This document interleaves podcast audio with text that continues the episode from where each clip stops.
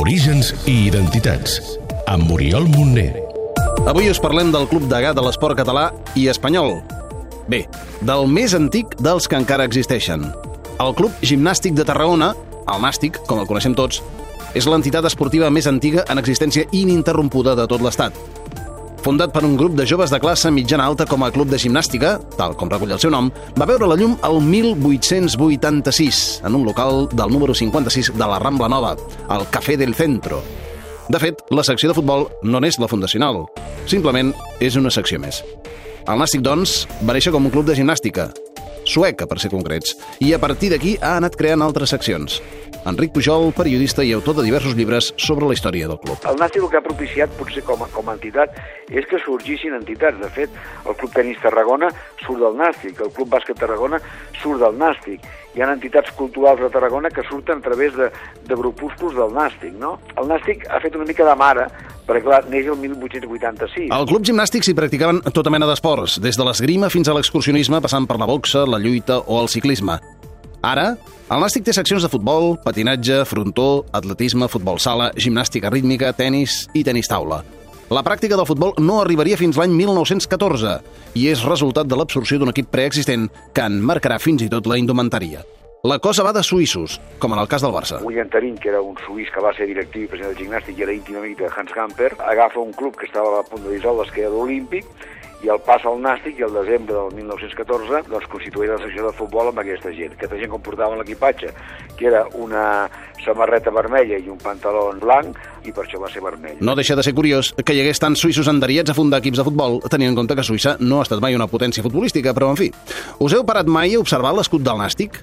Es va fer un concurs per crear-lo l'any 1916 i es va triar el 1917 Aquí us expliquem tot el simbolisme que recull. Les barres així, així mogudes són l'escut de, la ciutat. El Nàstic, aquesta, aquest concurs que hi va haver per, per agafar l'escut, els senyors Masset i Terrés s'inspiren amb l'escut del Barça i agafen el, la forma fan la, el, de fons l'escut de, de, de Tarragona, que són les aigües aquestes, posen una franja diagonal que és negra en honor als primers atletes del Nàstic que anaven en samarreta negra, i aleshores una corona de marquesat. I van posar dues tiges. I la bandera?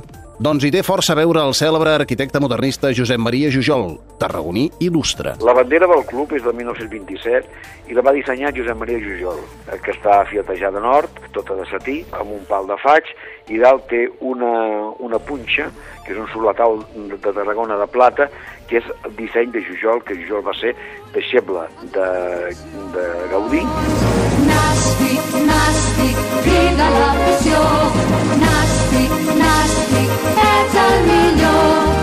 Història de l'himne del Nàstic ha viscut força vicissituds i s'ha reinventat en diverses ocasions. Aquest que sentiu és l'actual. Nàstic, nàstic, crida l'afició. Hi ha un himne del 1958 que teòricament encara es mantindria. Es fa un altre himne al, mil, al 2000. Són temes musicals, podríem dir, que comparteixen vida social al nàstic, eh? però oficial és l'himne aquest, l'himne de, del 2000. I de l'estadi actual, què cal saber-ne? Sí, ara es diu nou estadi, però no sempre s'ha dit així. Primer el que es va dir és nou estadi, perquè era nou i perquè era un estadi.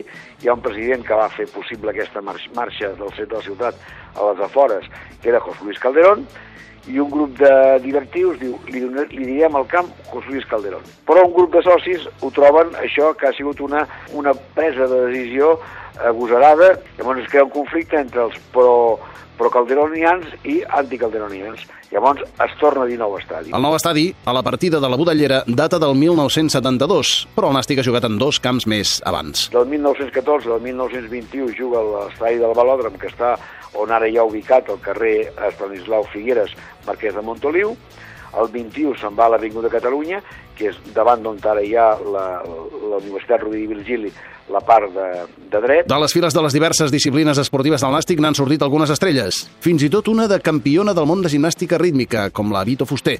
Aquí en repassem alguns. Per exemple, Òscar Cadià, que ha jugat a bàsquet amb el Nàstic, la Vito Fuster, Gaietà Cornet va anar als Jocs Olímpics, la Natàlia Rodríguez va anar als Jocs Olímpics, Vizcaíno ramis surten del Nàstic i han jugat a primera divisió internacionals. I una entitat tan centenària té una bona colla de seguidors i socis il·lustres. Han estat l'Ovidi Virgili, per exemple, que va ser periodista i que dona nom a la Universitat de Tarragona, va ser soci del Nàstic Josep Maria Jujol, va ser soci del Nàstic Agustí Pujol, que va ser membre de la, de la UEFA i de la FIFA i president de la Federació Espanyola d'Escac. A Tarragona, tothom coincideix a vaticinar encara una llarguíssima història al Nàstic, una de les institucions més antigues de la ciutat.